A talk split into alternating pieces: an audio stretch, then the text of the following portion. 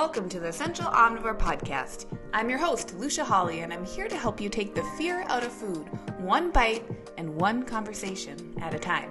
From guest interviews to the gooeyest of details about your guts. I hope you'll join me in creating space around the subject of our bodies and just what they might be telling us when we slow down and listen closely. Remember that the information provided within this podcast is for general information and educational purposes only and does not provide medical advice, professional diagnosis, opinion, treatment, or services to you or any other individual. Okay, what's up, party people? Today, going to be talking about cravings. Cravings. We all got them. We all don't want them or we do want them or there's something about them that we can't figure out and we think about them and we feel them. And what are they? And why could we care? Or why could investigating cravings a bit further help elucidate what is going on in your body? Because let's remember, what's going on in your body is also going on in your brain. When I talk about the body, yeah, I know I know we always seem to have this big disparity between physical health and psychological health, but our brains are based in our bodies. So our brain is a physical thing, our bodies are physical things. Very cool. I think that idea is helpful when we talk about cravings because we make cravings into such an emotional thing, such a brain thing, but it's often a body thing though not always. But I would also argue can you follow this train of thought, this logic? I would argue that emotional things are still physical things. So today I'm going to be talking about four different types of cravings. These are just a list that I've come to over the years, and you could argue that different categories split into more types. Um, some people like to say there are three different types of cravings. I think there are a minimum of four, if not more. So I want to hop right into it. I want this post to be more informative because I want you to be thinking about different types of cravings if you feel like you're someone who has struggled with respecting the cravings that your body is showing you or having you feel. In our society, I think a lot of times we're told to diminish those cravings, that we can't respect them or often um, when we talk about cravings, we make them good or bad. So we say, oh no, I'm craving pop and chips and chocolate and cookies. I'm bad. Why can't why can't i ever crave vegetables? Like oh if i were to be able to crave vegetables i would be good. Or why can't i crave chicken breast? You know what what's wrong with me that i have all these really intense cravings for certain types of foods and not for other types of foods hopefully after today you'll recognize that cravings are mostly just signals and they're types of information that we can glean facts and little factoids from. And when we demonize a craving even if they feel so big and so so in your face when you're experiencing them if we demonize them we're really in essence just kind of we're shooting the messenger. We're not actually addressing we're, we're addressing maybe a symptom of something, but not that root cause of what is more fully causing the craving. Um, so we'll talk about that. First of the four types of cravings, your craving is emotional. So, this type of a craving may come up uh, in relation to stress. That's going to be the easiest way to think about it. So, when are you feeling stressed out? When are you feeling like you crave foods that offer you some sort of comfort or some sort of distraction. These are emotional types of cravings. And I often find that, again, in our culture, we make emotional cravings out to be this bad thing. Like, oh, if I could just erase all those emotional cravings, if I could get rid of using food as a comfort tool, then I would be better. When we approach nutrition from this perspective, we are negating the fact that likely if you're using food as a comfort tool, you came to that for some reason. And likely at some point in your past, choosing food as your source of comfort or your source of distraction or your source of pleasure or your source of tuning out,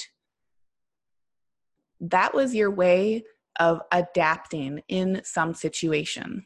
Because likely that situation, the food was the most abundant tool, or it was a tool that was most readily accessible by you.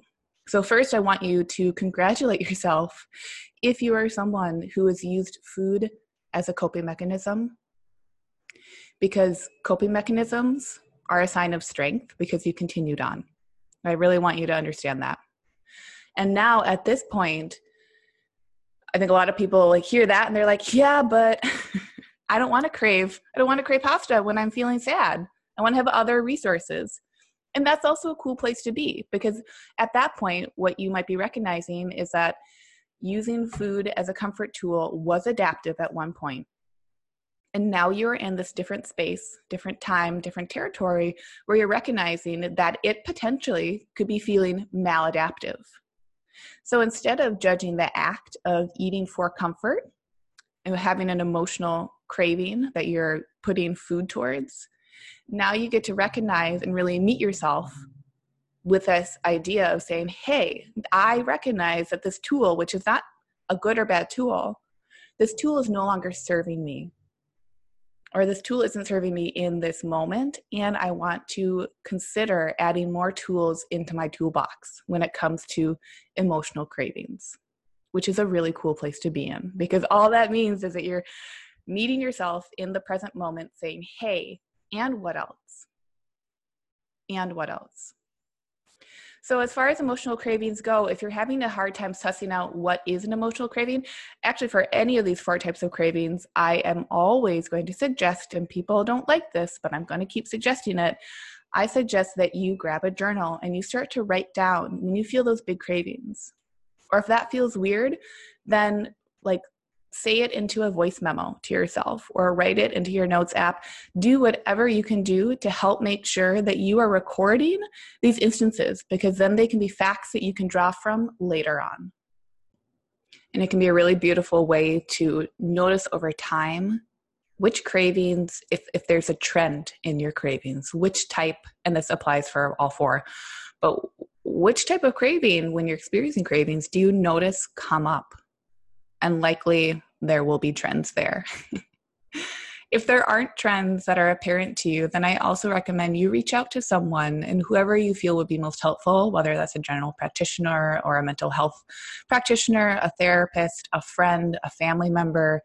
Um, reach out to someone who you're comfortable sharing this information with, and likely, I think a, a a fresh set of eyes is going to have a fresh take on trends in cravings or in anything, in anything at all. So, if you are doing this awesome work, please give yourself a pat on the back. And if you're doing it, but then feeling frustrated, like you don't know what to do with this, with this information, then reach out to someone who you trust and reach out to someone um, depending on how intensely this information hits you too right like i think everyone i think everyone should have a therapist but that is beyond the scope of this podcast episode Okay, craving number two. It's an environmental craving, or it's a craving that is supported by the environment that you are within.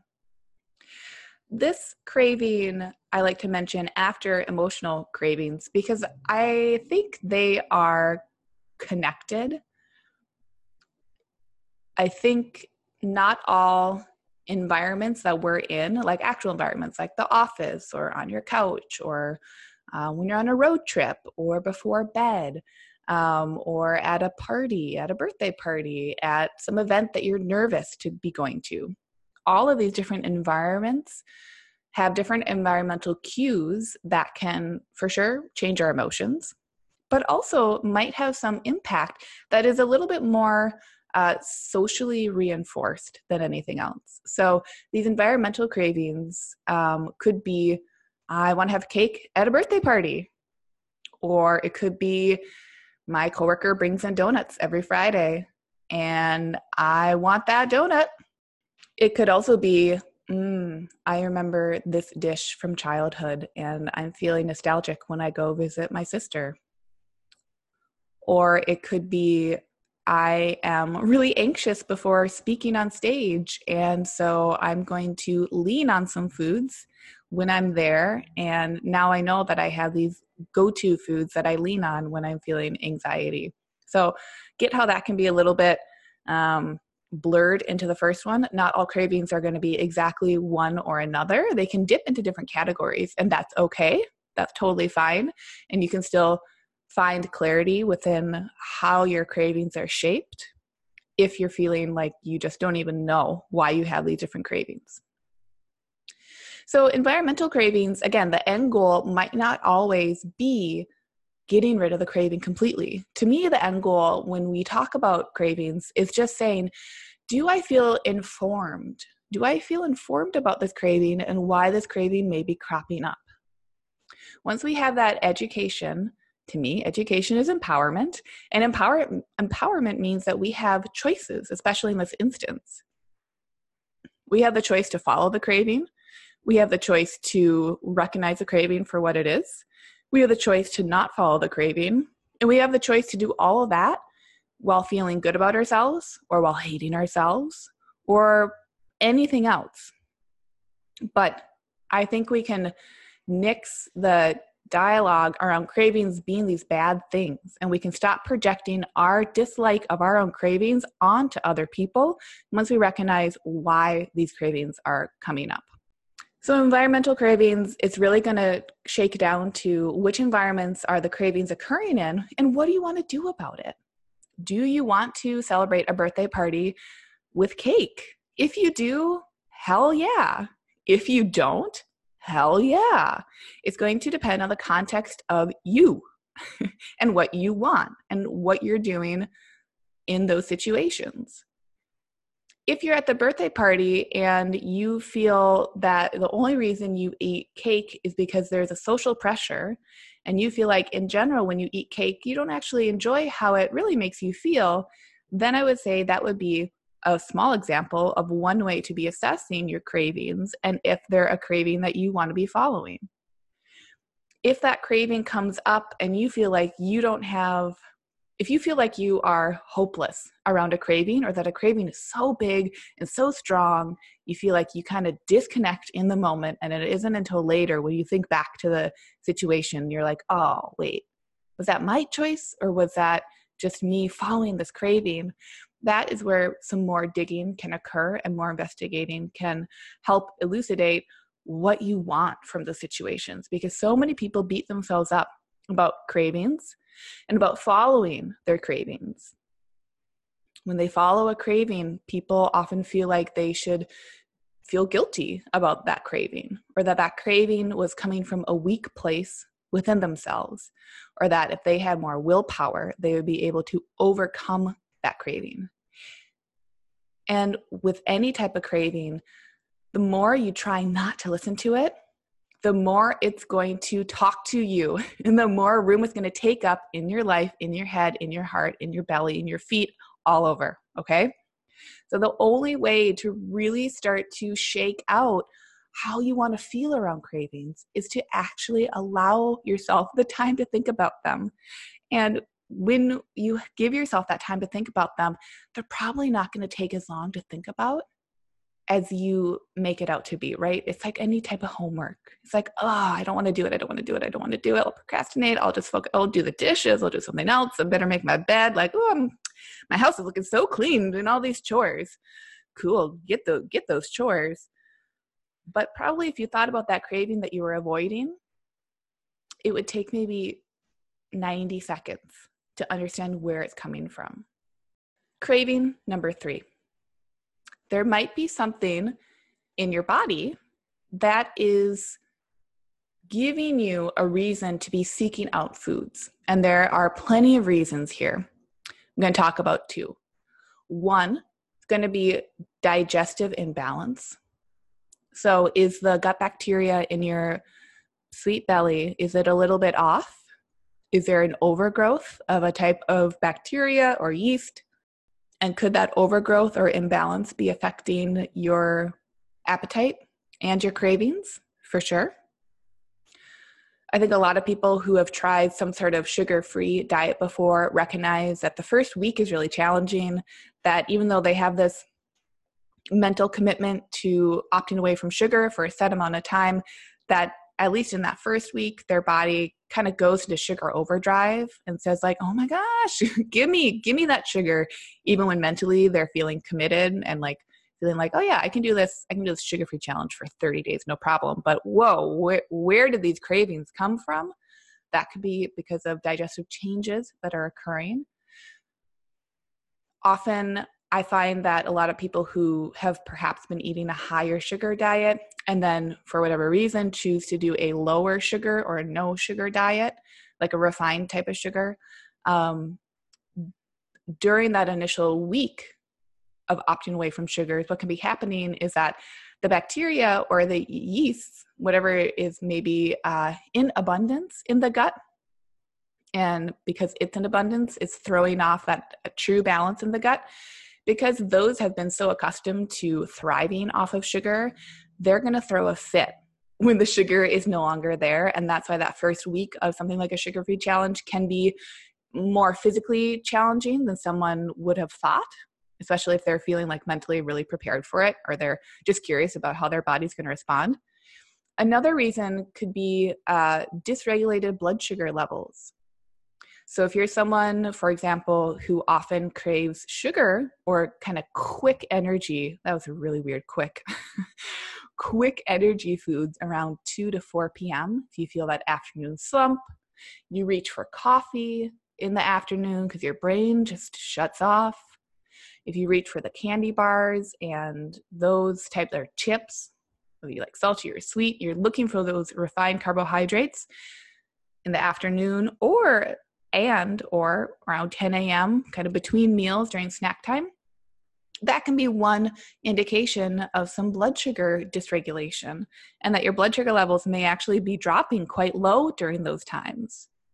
And here's the thing when your blood sugar levels drop low, that's a very stressful place for your body to be in. Your stress hormones are going to upregulate, they're going to send signals to your body like, hey, do anything to get me out of this low blood sugar state because it's not safe for me to be here.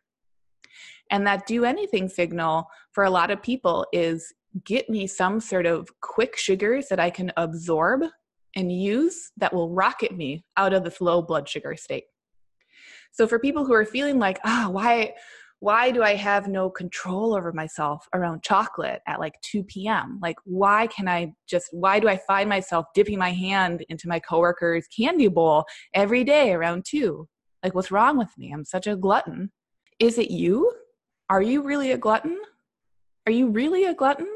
Or are you respecting your body's signals to get it out of that low blood sugar state and to do so with the fastest acting tool that you have, which is going to be a refined carbohydrate.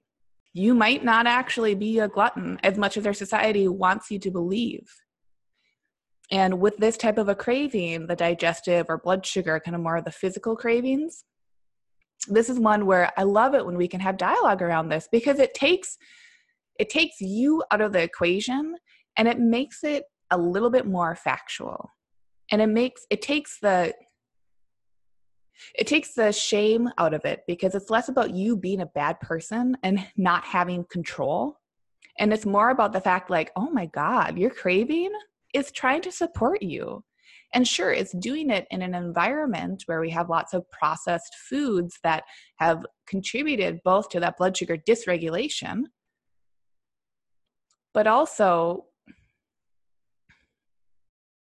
and so really actually this one ties back into the environmental craving in some ways because if we look at something like that blood sugar dysregulation that dysregulation is occurring not because your body sucks but because your body is in an environment like our modern society where we have access to a lot of these industrialized food and industrialized food like concoctions that are very high in refined carbohydrates and sugars.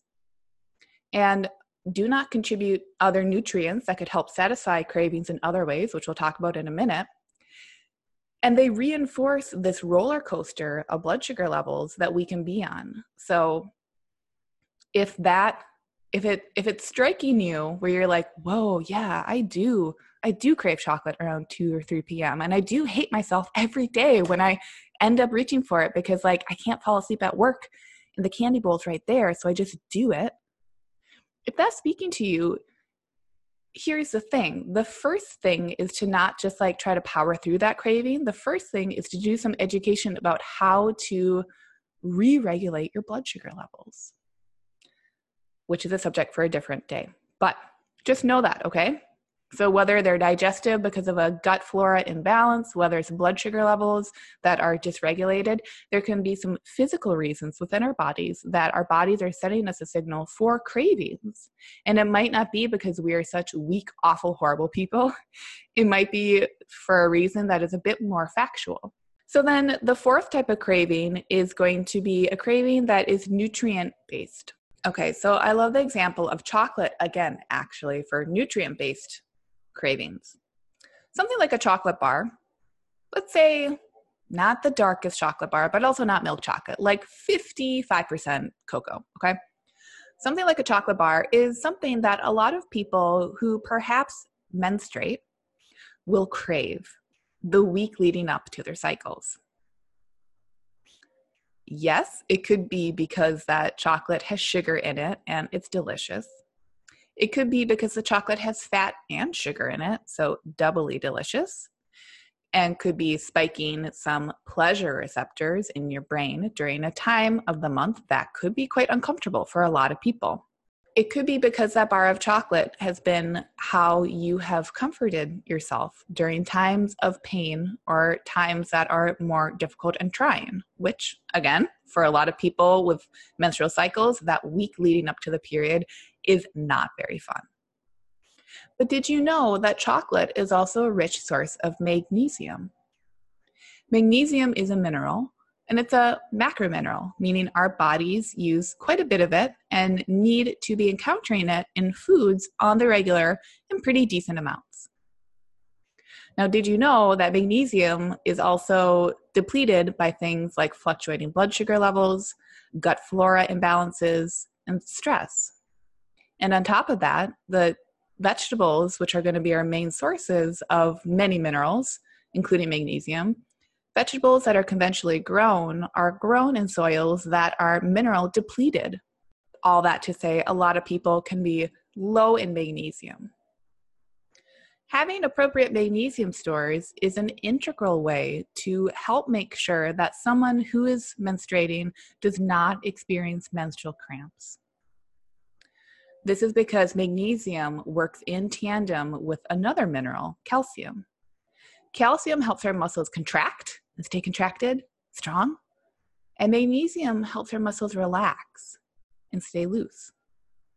So, if we have a magnesium deficiency or just not enough magnesium in our bodies, or we're burning through our magnesium stores because of stress and these different types of imbalances, it actually can make a lot of make a lot of sense why people who menstruate crave chocolate the week leading up to their period. Yeah, it's delicious, it's comforting, but it's also a quick and easy source of magnesium that could ward against the discomfort of cramps once the cycle actually begins.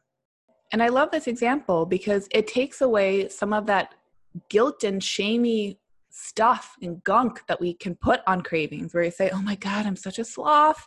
I'm so gross. I'm just a hippo. What am I doing? I'm making out hippos to be bad things. Please, if you're a hippo, I like, let's hang out. I want to meet a hippo. And by the way, and with this type of a craving, this is also like any of the other cravings. These are these are hard how would you know that without education around what minerals are or the different nutritional quantities of different nutrients or the different levels of nutrients within different foods. It's not going to be readily apparent. So, this is where that journaling again comes in handy because you can notice trends. If you feel like throughout the month, you don't really have very many cravings, but they really ramp up before your cycle, write that stuff down. And don't just write it down one month, write it down for three or four cycles in a row. Commit to it commit to that week before your cycle cropping up that you are writing down which foods you really feel a big pull towards. And then guess what? You can do your research or you can bring it to a medical professional. Again, those people who I was mentioning before that you could be talking about this stuff with, bring it up to someone and say, hey, I notice I have these trends, but I can't make sense of them. What do you think? Start to speak out about this, and likely other people will be able to identify some trends that maybe were not initially that maybe initially were not the ones that you would think of. So let's recap. Cravings can be emotional. Cravings can come because of environmental cues and triggers. Cravings can be digestive. Cravings could be because of body functions like fluctuating hormones or fluctuating blood sugar levels. And cravings can also be nutrient based. So, you craving a certain food might be because your body is desperately seeking out additional sources of a type of nutrient, whether it's a vitamin, a mineral, an amino acid, or some sort of phytonutrient or something else. And the number one way to start to elucidate for yourself what your cravings are telling you, and the number one way, in my opinion, to relax around cravings is to begin to journal. Begin to journal to offer yourself data points. Because once you have data points, you can educate and empower yourself from information. That's all this is. Is that you are saying, I'm going to offer myself information and I'm going to trust that I or someone in my network or circle or someone I know I can reach out to will be able to help me understand and make sense of these cravings. And I bet once you're able to start to make sense of those cravings, they're going to feel less intense. And they're going to feel more like you have autonomy during your day, during your week, during your month to understand them and to join with them in the ways that you want. So it feels like less of a stressful battle when they are coming up. And to me, that's the end goal of understanding our cravings. And as well, I hope you recognize that a lot of the cravings that we've talked about, they're not inherently bad. They're just the signals that your body is sending you for different reasons. So it might also help a lot of us suss out well, do I even want to be getting rid of my cravings? I thought I wanted to get rid of my cravings before, but you might actually find that the more you learn about them, the more you can embrace them and the more you can say, oh my gosh, yo, body, thank you so much. I did want magnesium and I do want to get it from chocolate, but maybe I can also supplement so I feel a little bit more like myself throughout the whole month. As an example, I hope that was helpful and I'll catch you in the next episode. And if you're finding this podcast helpful, it would mean the world to me if you were to go to Apple Podcasts and leave a review for it. Reviews are super helpful as far as podcasts are concerned to help grow the podcast more steadily so that more ears can listen to this content. And hopefully, we can help everyone take the fear out of food one bite at a time.